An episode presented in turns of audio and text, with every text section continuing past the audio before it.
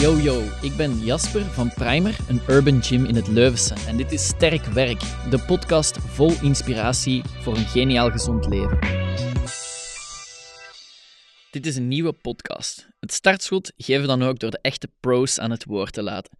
We kunnen zonder twijfel nog veel leren van de allerbeste. Elke dag een klein beetje beter, dat is wat wij er altijd zeggen. We starten daarom met een reeks powerlifting pros. De bekendste en strafste namen uit de Vlaamse powerlifting scene. De aftrapping aflevering 1 wordt gegeven door de enige echte king of comebacks, MC Fit Robbie, a.k.a. Rob Esselens. Dankjewel Jasper. Uh, ik ben blij dat ik tevens ook de, de eerste aflevering mag doen. Dat we op deze manier, deze podcast, zoals we zeggen, eigenlijk kunnen uh, launchen. We starten met een powerlifting paspoort. Dus um, wat je mocht doen, is je mocht even kort vertellen wie dat je bent, um, hoe oud dat je bent, eventueel wat over je numbers uh, vertellen. Um, zodanig dat iedereen die luistert een klein beetje op de hoogte is van wie is nu eigenlijk de Rob. Alright. Dus bij deze, mijn naam is Rob Esselens. Ik ben sinds een vijftal jaar actief in de Belgische powerliftingswereld. Al vijftal jaar dat ik competities doe. Begonnen in de min 83 kilo klasse. Nu geëvalueerd naar de min 93 kilo klasse. Ik ben eigenlijk begonnen als tennisspeler. Um, ja, en via blessures eigenlijk in de fitness terechtgekomen om zo het lichaam een beetje te versterken. En daar in de fitness eigenlijk de, een passie gekregen voor de sport powerlifting. In aanraking gekomen met hele leuke mensen en zij hebben mij mee betrokken in het verhaal. En zo is het uh, stap voor stap begonnen eigenlijk. Um, zoals ik zei, begonnen in de min 83 kilo klasse.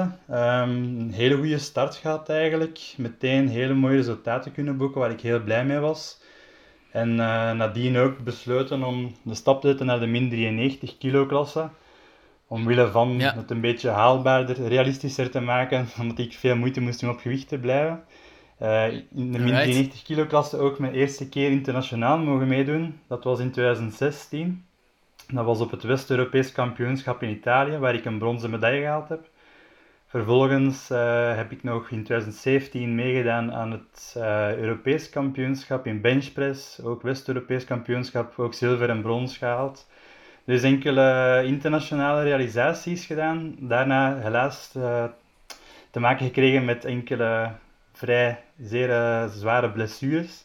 Ja, waar we het zeker straks uh, ja, ook nog over gaan hebben, absoluut. inderdaad. Waardoor je de laatste jaren niet veel meer van mij te zien gekregen hebt in, in wedstrijden en, en zo. Maar ik ja. probeer dan op andere manieren aanwezig te zijn, zoals velen ook wel weten. En, dat is een beetje ja. in het kort samengevat mijn powerliftingsverhaal.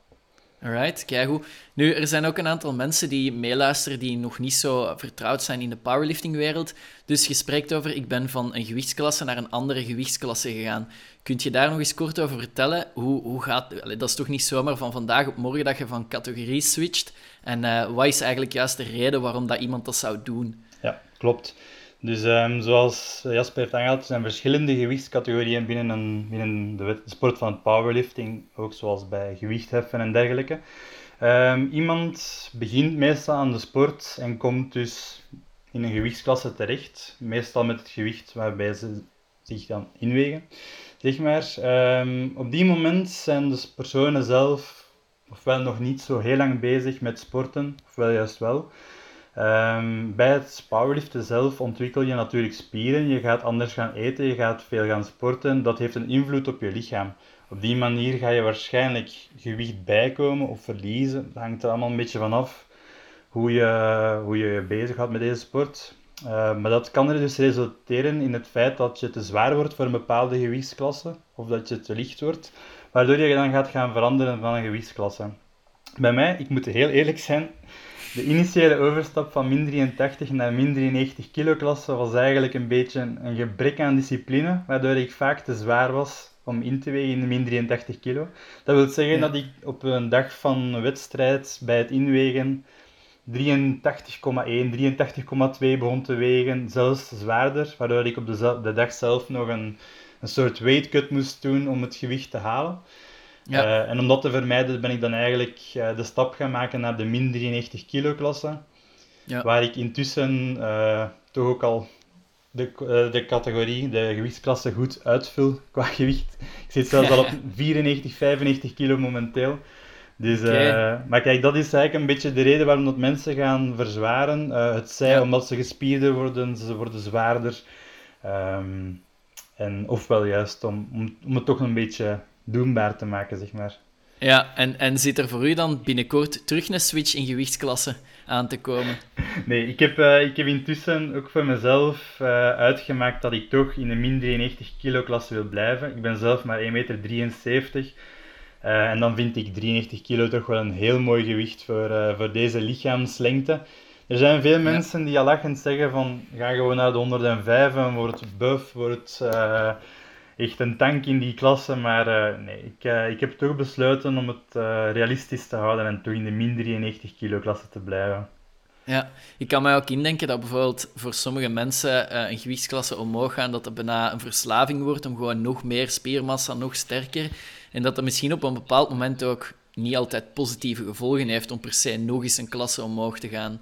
Absoluut. Het is uh, een eeuwige strive, een eeuwig uh, zoeken naar uh, de perfectie, naar sterker worden, naar breder, gespierder. Het is, het is zoals dat je zegt, echt een verslaving op de duur.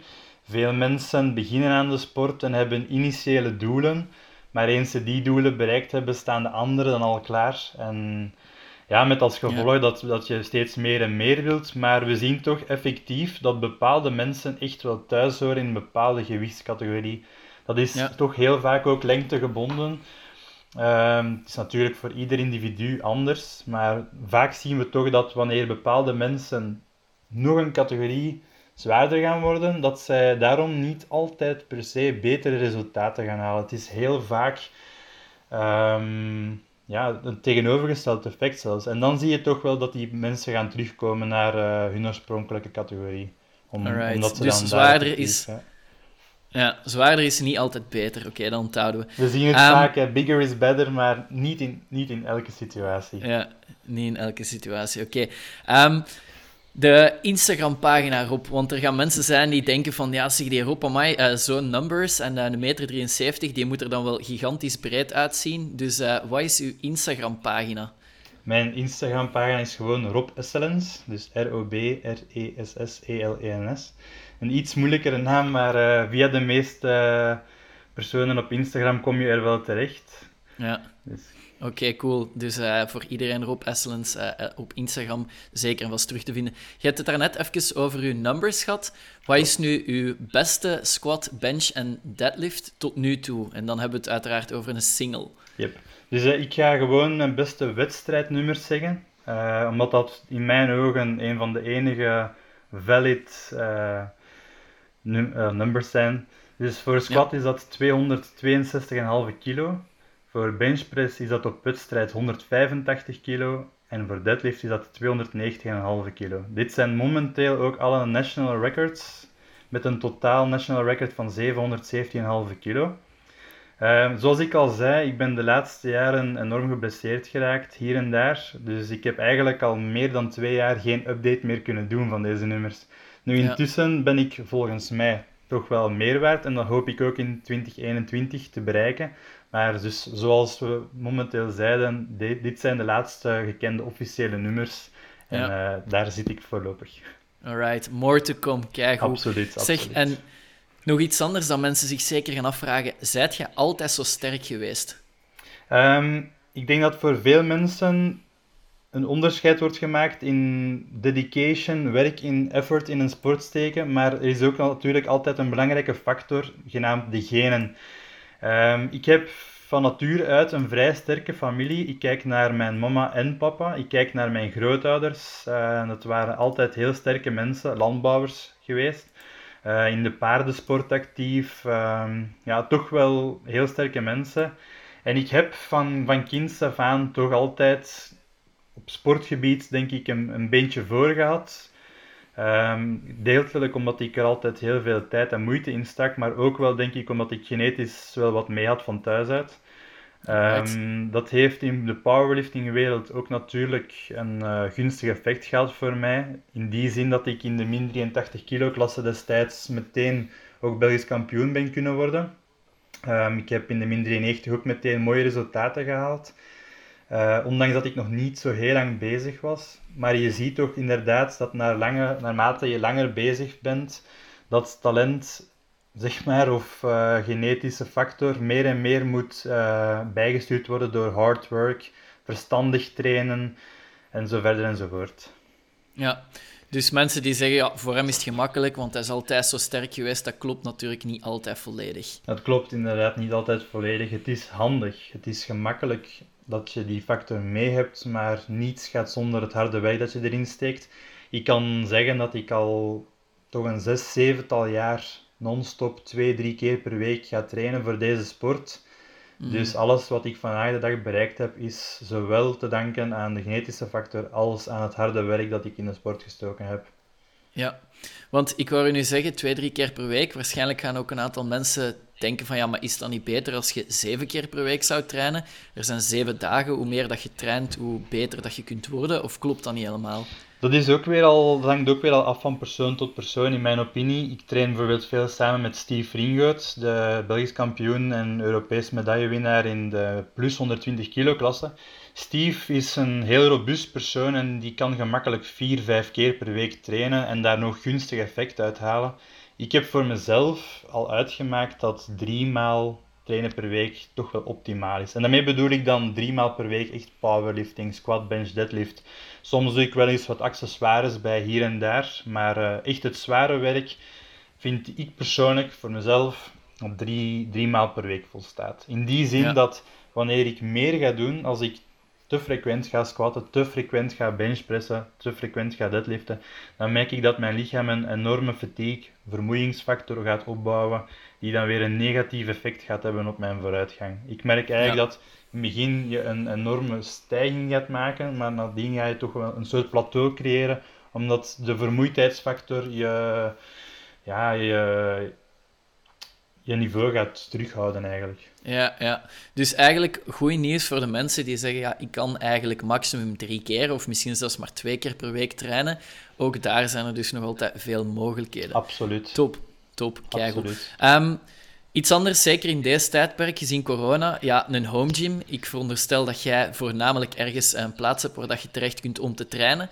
Um, we zijn momenteel niet in uw home gym, dat was eigenlijk het initiële plan, maar uh, dat is niet gelukt. Maar neem ons eens even virtueel mee naar de home gym waar dat jij traint. Hoe ziet die eruit? Welke equipment is er? Wat zijn eigenlijk zo de must-haves van echt een goede home gym? Klopt.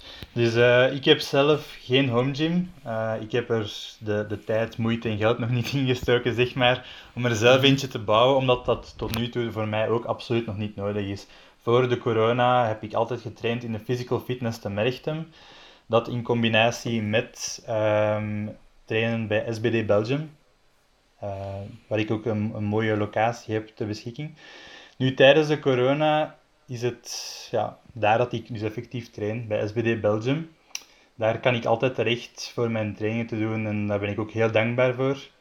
Eh, SBD Belgium heeft de gym ook uitgebouwd echt in stijl, in teken van powerlifting. Dus wat is er mhm. daar vooral terug te vinden? Dat is een Eleiko rack. Uiteraard. um, Eleiko, the best of the best. De best of the best, zeg maar. Hè. Uh, nee, uh, anderen zijn ook goed natuurlijk, maar het is, het is wel leuk om, om eentje te hebben. Um, dat is dus een combi rack waar dat je dus echt in kan squatten en benchpressen. We hebben dus ook de Eleiko plates daar ter beschikking. We hebben een deadlift platform. Dan hebben we nog een pull-up bar, we hebben een cablmachine waar we cable pulls kunnen doen, dergelijke meer. Uh, dipping station, dumbbells in alle maten en groottes. En uh, dat is het zo'n beetje eigenlijk. Het is, het is vrij beperkt momenteel, omdat deze, deze gym ook nog in zijn kinderschoenen staat, is nog, bestaat nog niet zo heel lang.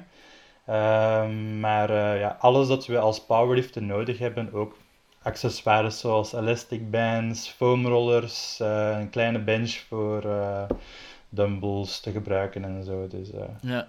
Klinkt een beetje als een mini-primer. Klinkt een beetje als een mini-primer, ja. Het is, het is dus echt een, een, een full focus op powerlifting met de nodige accessoires ook.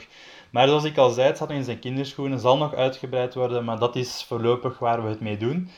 Uh, ook heel dankbaar dat ik daar terecht kan in deze tijden, want ik besef heel goed dat er heel veel mensen zijn die geen access hebben of die geen toegang hebben tot, uh, tot dergelijk materiaal.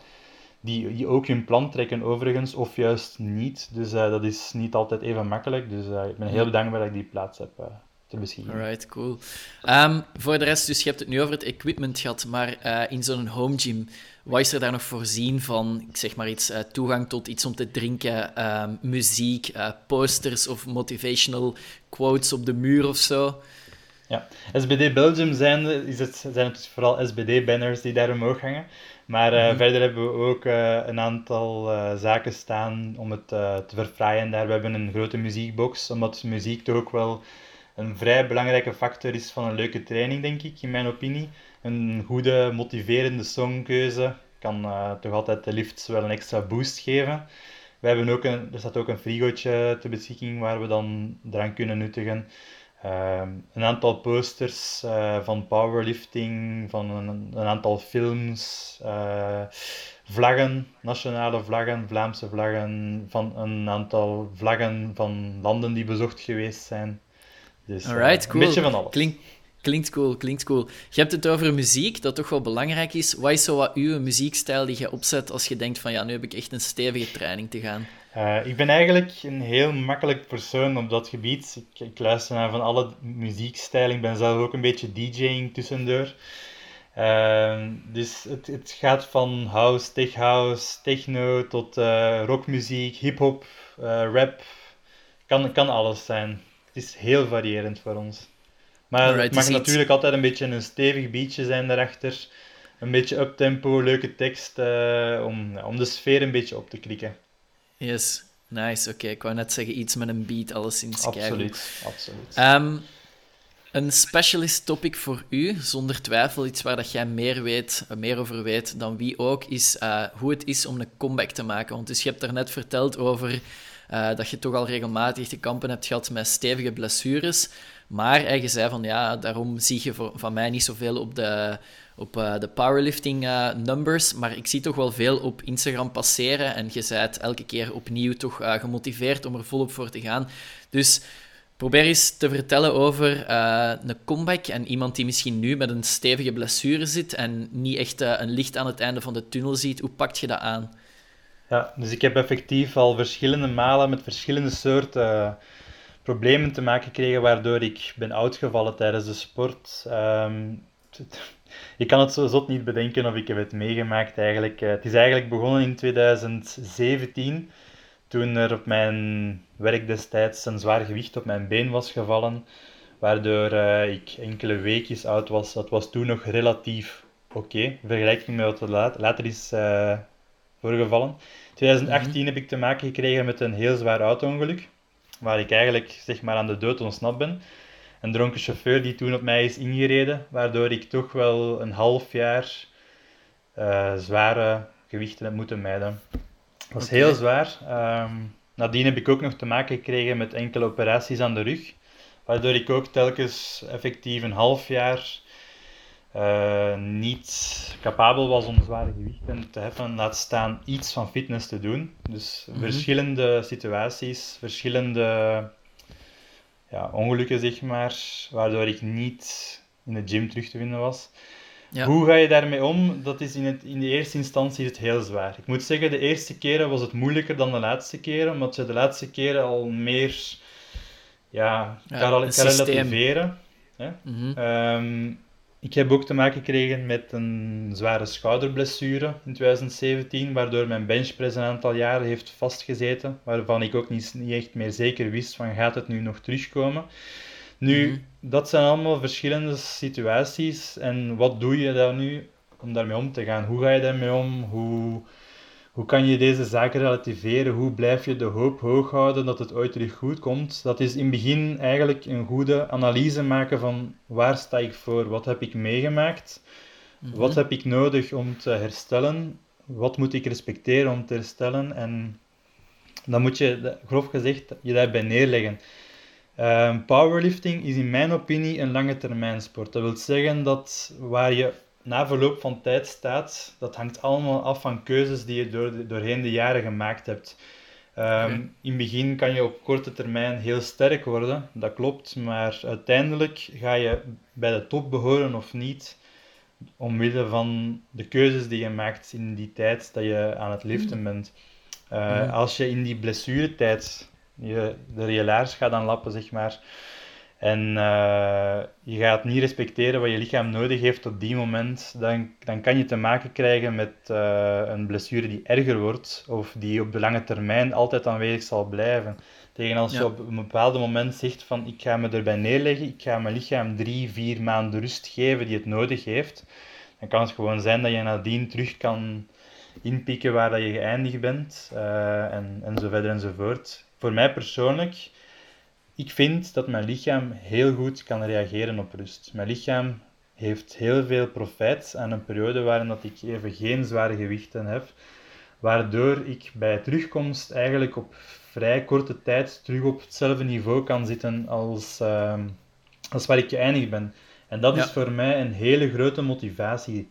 Ik vind, uh, met dat in het achterhoofd, vind ik het eigenlijk niet zo erg om, om eens drie, vier weken niets te doen, zeg maar. Het is jammer, het is jammer, want je ziet op een bepaald moment de concurrenten of de vrienden uh, vooruitgang, progressie maken. Je ziet uh, internationale kampioenschappen aan je neus voorbij gaan waar jij het deel van kunnen uitmaken. En ja. dat is jammer, dat is heel jammer en dat is niet te onderschatten. Zeker de eerste keren niet. Uh, maar je moet altijd in je achterhoofd houden dat dit een sport is waarbij de, de piek pas ligt in de midden dertiger jaren. Sommige atleten improven zelfs nog op hun 40 jaar. Dus dan moet je jezelf afvragen van, is het het waard om mezelf te forceren om dit één jaar toch deel uit te maken van alles? Of ga ik toch meer op de lange termijnvisie gaan kijken en ga ik één jaar opofferen om mijn lichaam terug in orde te krijgen, om dan toch deel te kunnen uitmaken van de komende 10, 20, 30 tal jaren? Ja. Het is uh, echt iets dat je in je achterhoofd moet houden met die blessures. Oké, okay, dus ik hoor als... Stel, iemand is nu uh, stevig geblesseerd en heeft niet direct een zicht op wanneer dat hij of zij beter zal zijn. Uw antwoord is eigenlijk van, geef uw lichaam de rust die het nodig Absoluut. heeft en, en pak dan gewoon rustig de tijd om opnieuw op te bouwen. Ten opzichte van, probeer toch door de pijn te bijten en, uh, en, en verder te gaan op dit moment. Absoluut. Dus zoals ik zei, het is heel lastig. Het is makkelijker gezegd dan gedaan om alles aan je neus te laten voorbij gaan op die moment. Maar toch, luister je naar je lichaam. Doe het nodige. Grijp in waar nodig. Als je iets voelt, kwaaltjes hebt, laat je onderzoeken, zodat het erger kan vermeden worden. En als je weet waar je voor staat, doe ook het nodige om ervan af te geraken. Ga niet naar de fitness als je nog niet klaar bent. Forceer niets als je nog niet klaar bent. Maar doe het ja. nodige. Wacht desnoods een maandje langer om dan toch in een fitte toestand een comeback te kunnen maken. En om dan eigenlijk in no time terug die gewichtsgewenning te kunnen meemaken, waardoor dat je dan op een paar weken tijd toch terug staat waar je zou willen staan. Ja, ja oké, okay, cool. Ik denk, um, als ik u hoor spreken erop, dat je vooral um, heel veel kennis opgedaan hebt over je eigen lichaam, ook de afgelopen jaren. Absoluut. Um, voor de rest, de raad van uh, luisteren naar je lichaam, dat is uh, een heel goede raad. Dat is trouwens een raad die ons moeder mij ook altijd meegegeven heeft. Luisteren naar je eigen lichaam. Mama's hebben altijd gelijk, hè? Dat is waar, dat is waar. een training voor u, hè? je doet er 2 à 3 gemiddeld per week. Hoe ziet die er zo ongeveer uit? Um, wat kunnen mensen zich daarbij voorstellen? Hoe lang duurt die? Welke lifts doet jij tegelijk op welke dagen? En is er een verschil wanneer dat je echt gaat voorbereiden op een competitie? Ja, absoluut. Hè. Trainingen verschillen altijd van welke fase van het jaar je zit. En als er een wedstrijd aankomt, dan gaan die trainingen er effectief ook anders gaan uitzien. Nu, een training voor mij bestaat uit eerst een hele poos opwarmingsoefeningen. Dus zoals ik zei, ik ben iemand die reeds veel te maken heeft gekregen met blessures. Waardoor voor mij opwarming een, echt een cruciale factor is voor de lange termijn van deze sport. Ik ben eerst een, een tiental minuten tot een kwartier zeg maar, bezig met opwarmingsoefeningen voor allerlei de schouders, de core, de benen, voor echt een volledig opwarmingspakket met verschillende oefeningen. Uh, waarna ik dus altijd begin met uh, een, het squatten of het bankdrukken of het deadliften, naar gelang welke training. Vroeger trainde ik altijd squat, bench en deadlift op één dag. Nu is dat eigenlijk veranderd om mijn lichaam toch iets meer rust te geven. Dus ik ga sommige trainingen, bijvoorbeeld squat en benchpress doen. Andere trainingen begin ik met deadlift, benchpress en dan nog één keer per week doe ik een squat, bench, deadlift. Hey. Bij die hoofdoefeningen in de powerlifting zijn er ook altijd een paar side exercises die er nog bij komen, zoals bicep, tricepswerk, uh, schouders, uh, benen, allerlei soort oefeningen. De guns, ja, de guns. um, nee, dus altijd de nodige side exercises.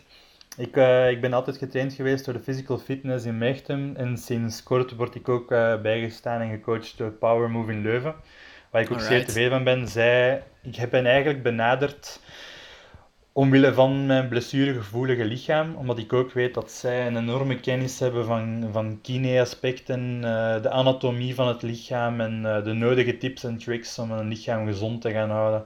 Vandaar dat ik ook met hen in zee ben gegaan. Ja. Dus uh, zij begeleiden mij ook en zorgen ervoor dat mijn fragiele lichaam, zoals ik het zelf noem, ja, duurzaam blijft in de sport. Dus de trainingen zien er in die zin uit dat, hier, dat er altijd eerst en vooral de hoofdbewegingen zijn, het zij squat, bench of deadlift. En daarnaast natuurlijk ook nog de nodige accessoires om de nodige spiergroepen te versterken, zodat uh, het lichaam ook mooi gebalanceerd blijft. Alright, cool. Um, en op het moment dat je echt een competitie in zicht hebt, verandert er dan iets of zo? Effectief. Dus Um, ik, ik zal bijvoorbeeld beginnen met wat er gebeurt na een wedstrijd. Dus na een wedstrijd is altijd een periode waar, waar we gas gaan terugnemen. We hebben net gepiekt, we hebben zwaar gehoffen, het lichaam is daar moe van en er zijn misschien zaken gebeurd met het lichaam dat, dat anders niet voorvallen. In die zin, op een wedstrijd push je jezelf tot het uiterste. Dat gaat heel vaak ten koste van techniek, van... Uh, van het oppassen, zeg maar, het voorzichtig zijn. Dus heel vaak zien we na wedstrijd toch een, een beetje een verzwakking van het lichaam. Niet altijd, maar wel, standaard gaan we daar toch van uit. Dus dat is een periode dat we gas gaan, dat we gas gaan terugnemen. We beginnen met minder gewicht. We gaan naar meer herhalingen. We gaan eigenlijk naar een fase, een hypertrophy fase, waar dat we echt gaan werken aan de techniek, werken aan de vorm, de shape. We gaan werken aan uh, herhalingen, de conditie van het lichaam. We gaan het, lichaam terug een boost van energie willen gaan geven. En op die manier creëer je toch ook wel terug een beetje zin naar die, voor die zwaardere gewichten terug op te heffen. Dus uh, op die manier. Ja. Het is ook eens een, een, een, variatie, een verandering om, om de sport ook interessant te houden, dat het niet te eentonig wordt. En dan natuurlijk, na een wedstrijd ga je zelf de goals zetten van wat is nu de volgende wedstrijd uh, waar ik aan ga deelnemen. En aan de hand van die periode die je dan hebt tussen die twee wedstrijden, dan ga je gaan bepalen van welke fase komt wanneer. Met op het einde natuurlijk uh, de piekfase, waarin dat we steeds het gewicht gaan opbouwen naar een wedstrijd toe. Uh, minder herhalingen, meer gewicht om jezelf voor te bereiden op de zwaardere gewichten van de wedstrijd met dan vlak voor de wedstrijd de nodige rust om dan op een fitte manier te verschijnen op de wedstrijd. Oké. Ik, ik hoor precies ook, dus het is een combinatie van zowel uh, fysieke inspanningen, maar ook fysiek uh, sterker worden, maar ik, ook, ook, ik hoor ook terugkomen dat het over het mentale gaat. Dus stel dat je nu voor jezelf een percentage daarop zou plakken van hoeveel procent is um, powerlifting voor u fysiek ten opzichte van mentaal. Stel dat jij nu zegt van ja, ik vind eigenlijk het mentale aspect een heel stuk moeilijker, dan zou ik zeggen, geef een hoger percentage aan het mentale. Uh, dus wat is de moeilijkste factor voor u van powerlifting? Um, ik denk dat bij mij zelfs misschien het mentale nog iets moeilijker zal zijn.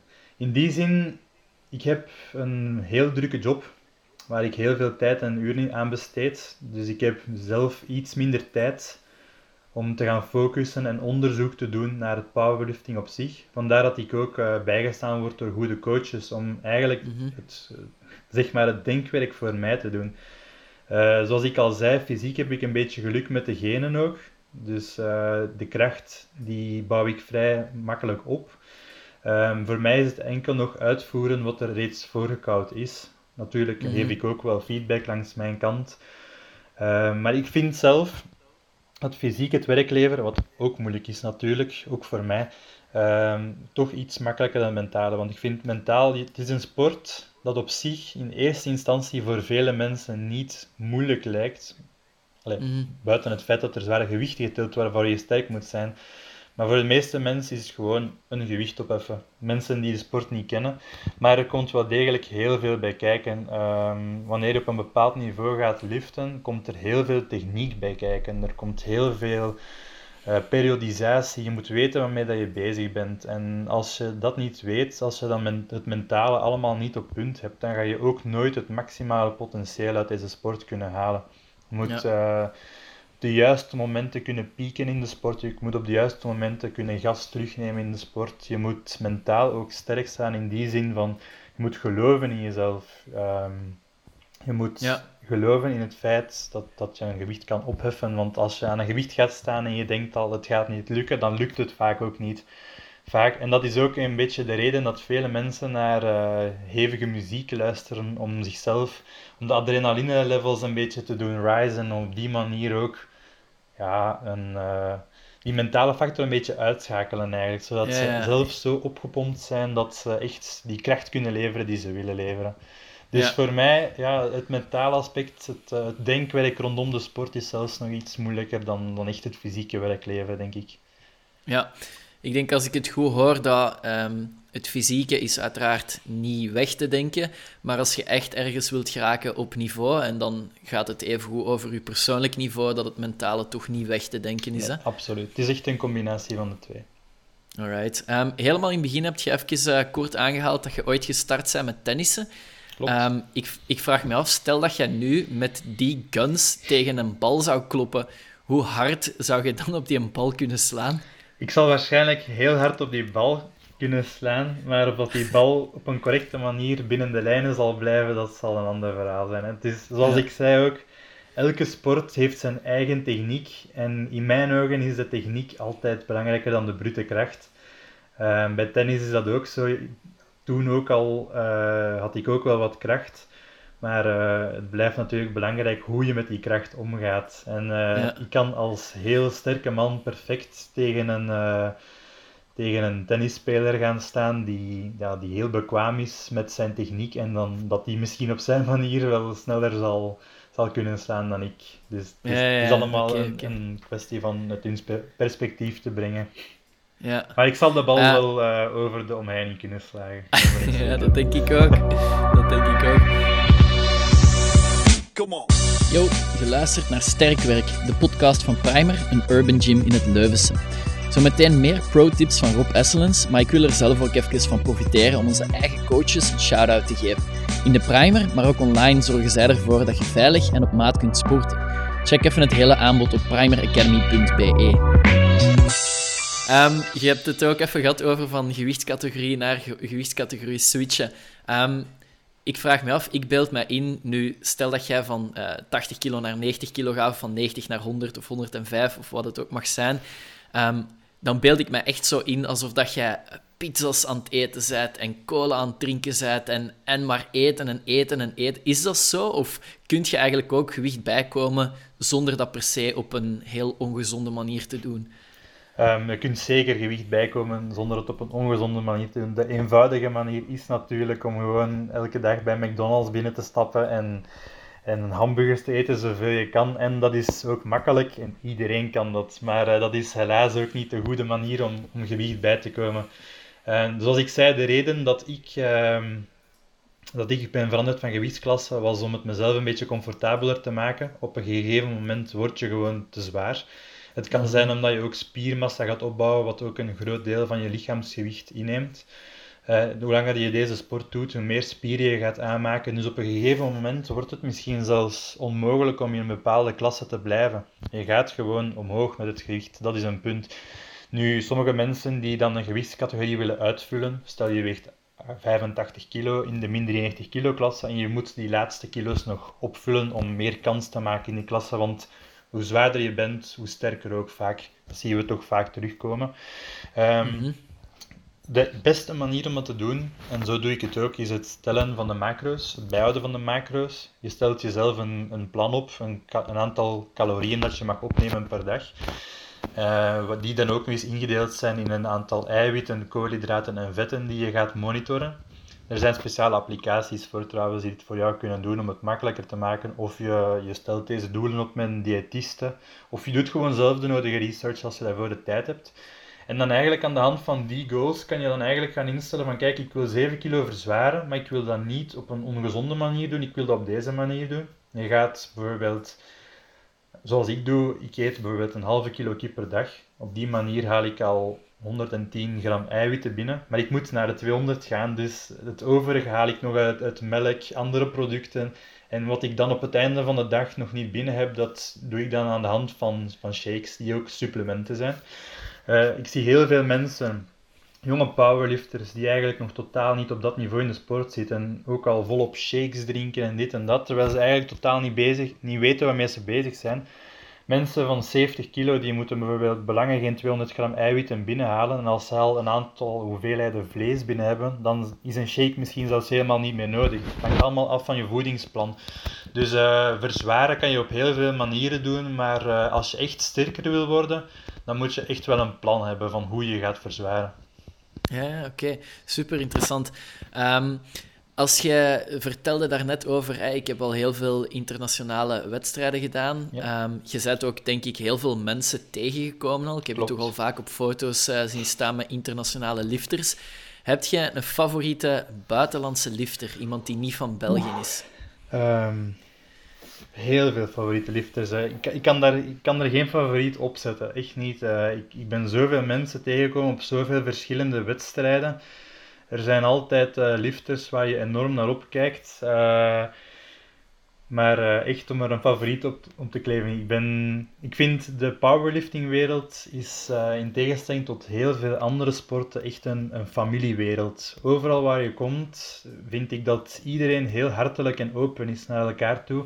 Op de banketten, dus de galaballen op het einde van, van elk wereldkampioenschap of Europees kampioenschap of eender welk internationaal kampioenschap um, zie je toch wel landen met elkaar dansen, zeg maar, waar die politiek gezien vijanden zijn, maar dan in de powerliftingwereld wordt dat dan één grote familie. Ja. Um, ik zeg het, er zijn altijd heel grote voorbeelden van, van lifters naar waar je opkijkt, maar echt om een favoriet te kiezen, dat kan ik moeilijk zeggen. Ja. Alright. Uh, en is er een, bijvoorbeeld een prestatie waarvan dat jij denkt, maar toen ik dat live had gezien met mijn ogen, dat, dat was toch wel de strafste prestatie die ik ooit al gezien heb? Um, een van de wedstrijden die me altijd is bijgebleven, dat was in Pilsen, Tsjechië 2017. Dat was het Equipped World Kampioenschap. Dus we spreken over Equipped Powerlifting. Waar dat, uh, we allemaal Dimitri Semenenko aan het werk hebben gezien. Die heeft toen in de min 105 kilo klasse um, een ongelooflijke squat van 445,5 kilo gedaan. Dat was ongelooflijk. Uh, en het, het strafste van al was zijn beurt voordien. Op zijn tweede beurt heeft hij 440,5 geprobeerd. En toen is zijn equipped pak effectief in twee gescheurd. Dus hij is met het gewicht gezakt. Het pak is gekast en hij is gewoon helemaal naar beneden gestuikt met die 440 kilo op hem. De spotters hebben hem gelukkig van onder die baar kunnen halen. Hij is er ongeschonden uitgekomen en die kerel heeft gewoon een nieuw pak aangedaan heeft gewoon 5 kilo bij het gewicht bijgedaan, heeft die bar opnieuw gedaan en is er mee gekomen, heeft een nieuw wereldrecord gezet. En uh, hij was toen ook de overal winnaar van het kampioenschap, als ik me goed herinner. Dus dat, dat, is altijd een van de momenten die mij toch is bijgebleven. Dat is, dat is ongelooflijk sterk. Ja, uh, ik denk zeg maar. op dat moment dat je ook wel volledig mentaal klaar moet zijn om gewoon zoiets opnieuw te doen. Want als je met meer dan 400 kilo uh, de grond op gaat, die baar op u krijgt, om je dan mentaal zo sterk te kunnen maken om dat gewoon opnieuw te doen met 5 kilo erbij, denk ik dat powerlifting toch zeker niet alleen om brute kracht draait. Hè. Klopt. Uh, het, het gaat hier om een Oekraïnse lifter. Die staan wel gekend om hun harde karakter natuurlijk. Um, die hebben ook een, een enorm goed team aan coaches rondom hun die heel veel ervaring hebben in de sport, veel meer dan, uh, dan in België, zeg maar. Um, dus hij heeft wel de juiste entourage rondom hem, maar zeker en vast om terug onder zo'n monsterbar te gaan staan van een gewicht dat in andere categorieën zelfs amper wordt aangeraakt, dan moet je toch uh, ja, de nodige durf hebben en even wat dat er net gebeurd is kunnen uitschakelen en toch gewoon weer met volle overtuiging onder die bar gaan staan van kijk, als dat nu niet gebeurd was, als het pak niet gescheurd was, had ik dat gewoon wel gedaan. Dus met een nieuw pak ga ik dat gewoon wel doen. Dus uh, ja, absoluut. De mentale factor is hier ook weer een, een heel belangrijke rol. Cool. En uh, wie zijn uw voorbeelden zoal? Ja, ik zeg het, mijn grote voorbeeld in, op Belgisch vlak is... Uh, ja, misschien cliché, want ik train ook veel mee samen, maar toch Steve Ringoot. ik heb powerlifting leren kennen dankzij Steve. Dus Steve is ook de reden dat ik vandaag in deze wereld zit. De reden dat ik vandaag dit interview afneem, ja, uh, heeft heel veel betekend voor mij in de wereld van powerlifting. Ook internationaal gezien is hij een heel graag gezien persoon, heel joviaal, heel hartelijk. Uh, heeft ook al heel veel medailles gehaald en bewezen. Dus ja, absoluut toplifter. Uh, in België, denk, als ik aan talenten denk, ja, we kunnen ook niet omheen Oran. Oran Billikan, die, die heel sterk is. Jeroen van Eesveld is heel sterk. Uh, iemand die mij ook altijd uh, verbaasde was Alan Peters. Alan Peters is altijd een heel sterke lifter geweest, al van bij de juniors. Um, heel sterke kerel. Uh, dus ja, dat zijn zo een paar van de toppers, denk ik, die mijn coach Hugo de Grauwe, die, die op 65-jarige leeftijd nog steeds meer dan 250 kilo deadlift. Die ook nog onlangs uh, op de masterkampioenschappen het heel goed gedaan heeft. Europees goud bij de Masters 3. Wereldbrons bij de Masters 3. Dus uh, ook allemaal prestaties waar dat we niet omheen kunnen. Maar uh, buiten die namen die ik nu opnoem, en dat zijn namen die het eerst in mij opkomen omdat ik met hen ook groot ben geworden in de sport namen die al voor mij bezig waren in de sport toen ik nog maar uh, een jonkie was, zeg maar. Uh, maar wat mij ook opvalt is dat de sport enorm aan het uh, evalueren is in België. Er zijn heel veel nieuwe talenten aan het opkomen. Ehm, de sport is heel populair aan het worden, dus ja, de, de Belgische powerliftwereld is enorm aan het evalueren. En als we ditzelfde interview binnen een jaar of twee nog eens gaan afnemen, dan, dan kan het heel goed zijn dat ik een aantal andere namen uh, opnoem. Ik heb er heel veel in mijn hoofd, uh, maar te veel om, om op te noemen, dus ik ga dat ook niet doen. Maar ik ben een aantal personen zeker in het oog aan het houden. Uh, er zijn heel veel personen on the rise, dus ze zijn allemaal goed bezig in België. Kijk goed. talking about personen on the rise, wat zou jij zeggen tegen de Rob als die nu pas zou starten? Dus die, jij begint eigenlijk nu met powerlifting. Het is uw eerste, uw eerste ontmoeting met powerlifting. Welk advies geeft jij aan Rob? Als ik een beginnende lifter zie, en we gaan dus nu inderdaad even uh, tegen mezelf praten, dan zou ik eerst altijd zeggen van zoek de, nodige, de, de juiste coach, de coach die het best bij jou past. Um, leer de techniek zoals het hoort. Um, Doe, het nodige doe de nodige onderzoek. Leer jezelf de techniek aan om, om de zware baren op een correcte manier te heffen. Geef geen prioriteit aan hoeveel je kan heffen, alvorens je correct kan heffen. Dat is heel belangrijk. Dat is een tip die ik iedereen trouwens meegeef. Je kan niet beginnen aan het heffen van zware gewichten zonder jezelf op een correcte manier voor te bereiden, voor je, zonder je lichaam te beschermen, zonder je lichaam klaar te stomen. Want wat dat je veel merkt, is dat je in het begin wel een soort stijle evoluatie doormaakt. Dat je in het begin heel veel gewichten gaat kunnen heffen omdat je in het begin ook nog een, fris lichaam hebt. Uh, je, in het begin kan je gewoon heel weinig, dus in het begin gaat die evolutie heel groot zijn. Maar we merken toch dat mensen die de techniek niet op een correcte manier leren, dat er dan toch een soort stagnering is in hun evolutie, dat ze terugvallen, dat ze gekwetst raken, waardoor ze dan eigenlijk een negatieve progressie gaan maken, waardoor ze soms de motivatie verliezen om door te gaan, waardoor hun lichaam gekwetst raakt of zelfs onherroepelijk gekwetst geraakt, waardoor de sport eigenlijk dan minder duurzaam wordt en waardoor we een bepaalde doelgroep van mensen het gelijk geven van squatting is bad for your knees, uh, benching is bad for your chest and arms. Um, mits de correcte voorbereiding, mits de goede basis, en dat geldt trouwens overal. Een goede basis is half gewonnen. Uh, mits een goede basis is het een sport waarbij je relatief heel gezond kan blijven. Een sport die lang kan meegaan tot uh, in je 70 jaren. Dus tegen elke beginnende lifter, begin met de basis. Leer wat je moet leren. Leer iets over anatomie. Doe de nodige warm-ups. Zoek jezelf een goede coach die jezelf een schema kan maken met de nodige periodisatie, zodat je ook kan gaan pieken op de correcte momenten, maar ook gewoon iemand die er veel van weet, zodat je niet aan je lot wordt overgelaten en zodat je altijd weet wat je moet doen. Ja, oké, cool. Dus um, ik denk voor, voor iemand die voor de allereerste keer uh, toekomt in zo'n zo'n sport en van alles ziet, dat het niet altijd even gemakkelijk is om uh, op zoek te gaan naar de juiste begeleiding. Je hebt het heel veel over, hè, zoek, uh, zoek een, een goede coach voor u om, om te helpen natuurlijk ook in de powerlifting-wereld, zoals overal, zijn er heel veel verschillende coaches. En gaan mensen natuurlijk ook meteen kunnen zeggen van ja, maar een coach, alleen toch een goede coach, dat kost wel wat. Um, wat is voor u de, de downside om te kiezen voor het financiële en te zeggen ik ga mijn geld niet geven aan, aan coaching en de upside ervan en wat is het verschil tussen, tussen verschillende coaches en op welke manier kun je eigenlijk komen tot dit is de goede coach voor mij? Klopt. Dus eerst en vooral, zoals dat je zegt, een goede coach is niet altijd goedkoop. Daar ben ik me zeker van bewust. Dus voor veel mensen is het ook gewoon geen optie om, uh, om misschien de coach of hun ideale coach om die te kunnen betalen. Dat is perfect mogelijk.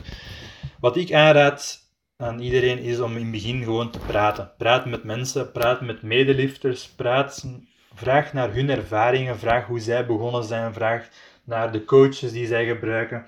Zo kan je misschien uh, toch wel ontdekkingen doen waar je initieel niet aan had gedacht. Uh, het is eigenlijk zoals bij elke sport. Je kan een tennisraket kopen van 20 euro, je kan een tennisraket kopen van 200 euro. Die tennisraket van 200 euro garandeert, geen winnen, garandeert het winnen van een match niet, maar het zal toch helpen.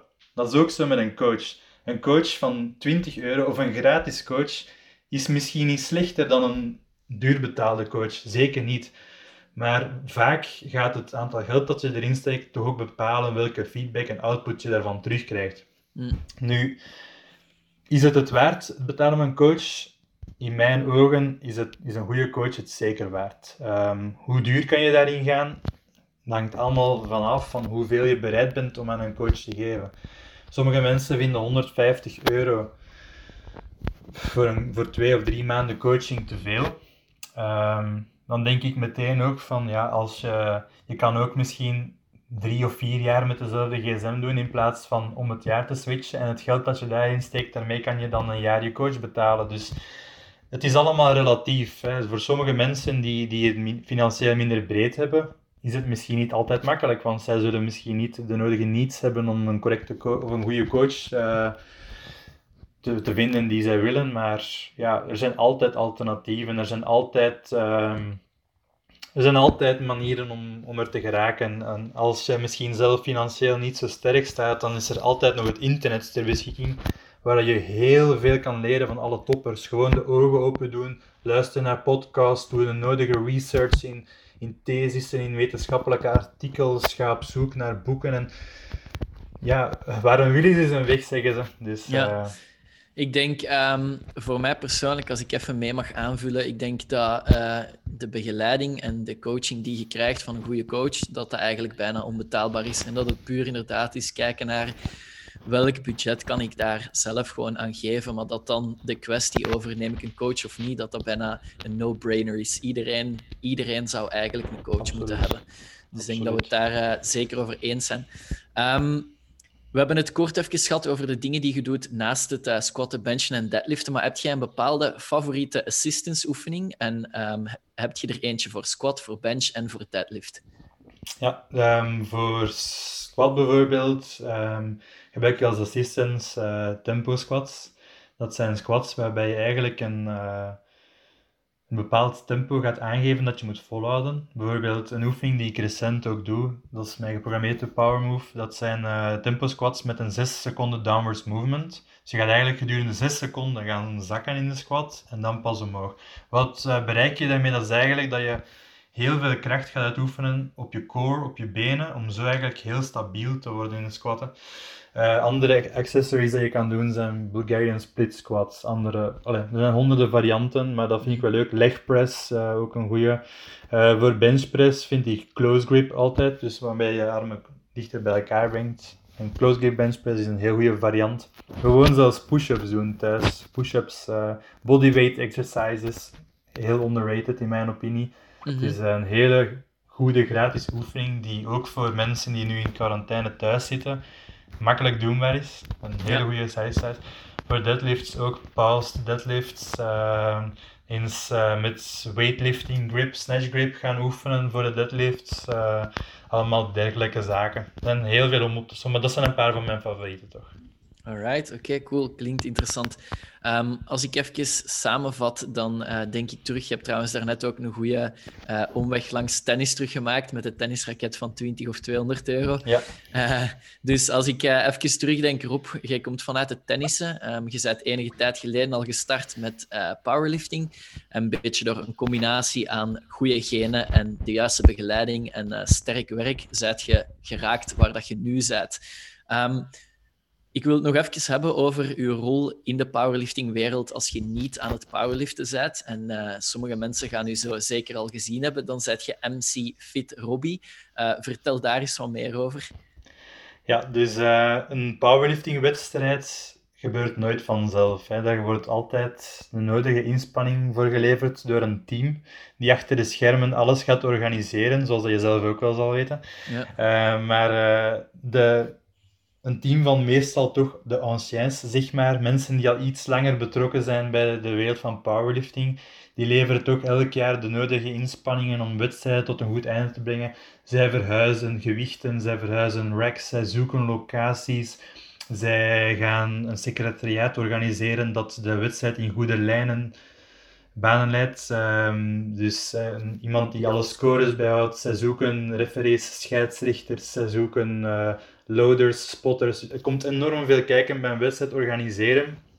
En uh, ik moet zeggen, als jongere lifter, die zelf heel gefocust was op elke wedstrijd, want ik deed zelf bijna elke wedstrijd mee, belangrijk of minder belangrijke wedstrijden, waardoor ik zelf eigenlijk heel weinig beschikbaar was om ook deel uit te maken van het team die de wedstrijden mee organiseert.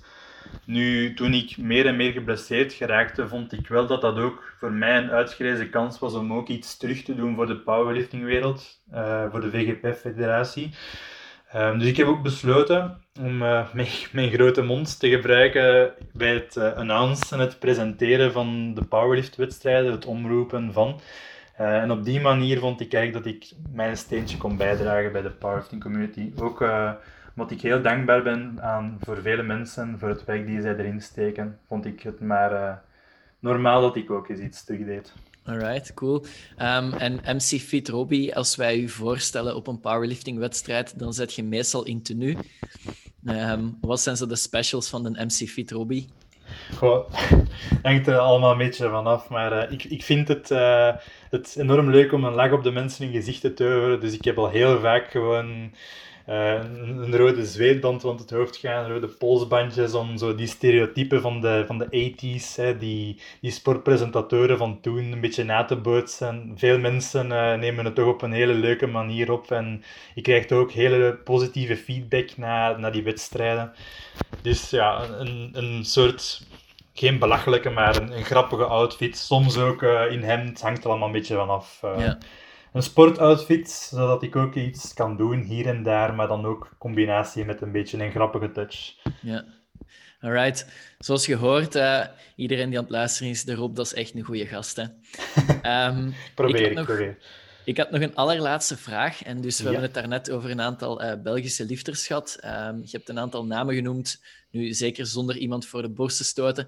Maar welke namen komen in u op als je denkt aan, ah, dat zou eigenlijk nog wel een interessante persoon zijn waar uh, ik of anderen iets van kunnen of willen leren, um, om even uit te nodigen voor de Powerlifting Pros podcast? Wel, uh, Eerst en vooral denk ik natuurlijk aan de personen met ervaring. De personen die veel meer ervaring hebben dan ik zelf met uh, internationale wedstrijden. De personen die ook al veel langer betrokken zijn bij de VGPF en uh, de Belgische Bond. Dus die ook uh, nog de equipped, het equipped tijdsperk hebben meegemaakt, als ik het zo mag zeggen, zonder verschillende mensen op de tenen te trappen. dan denk ik meteen aan, Steve Fingoot uiteraard, Jeroen van Eesvelde. Uh, Oran, Billikan, misschien ook Hugo, maar Hugo is niet zo goed met die technische zaken. dus, uh, nee, um, ja, dat zijn toch een aantal namen. Alan Peters is ook uh, momenteel een beetje op hold, maar die heeft toch ook wel heel ervaring. Ik denk ook misschien aan, aan een aantal van de toekomstige jongeren, zoals Tibe, mhm. Elias, amyopathie. een aantal komende namen die toch ook wel heel goed aan het worden zijn, die toch ook, zoals Tibe, die is enorm betrokken bij het coachen. Uh, Een aantal coaches zou ik ook zeker aanraden om, om eens in de podcast te halen. Zij kunnen nog veel meer tips en tricks geven om, omtrent training en, en dergelijke zaken. Dat zijn, ik denk vooral aan de personen met ervaring van vroeger uit.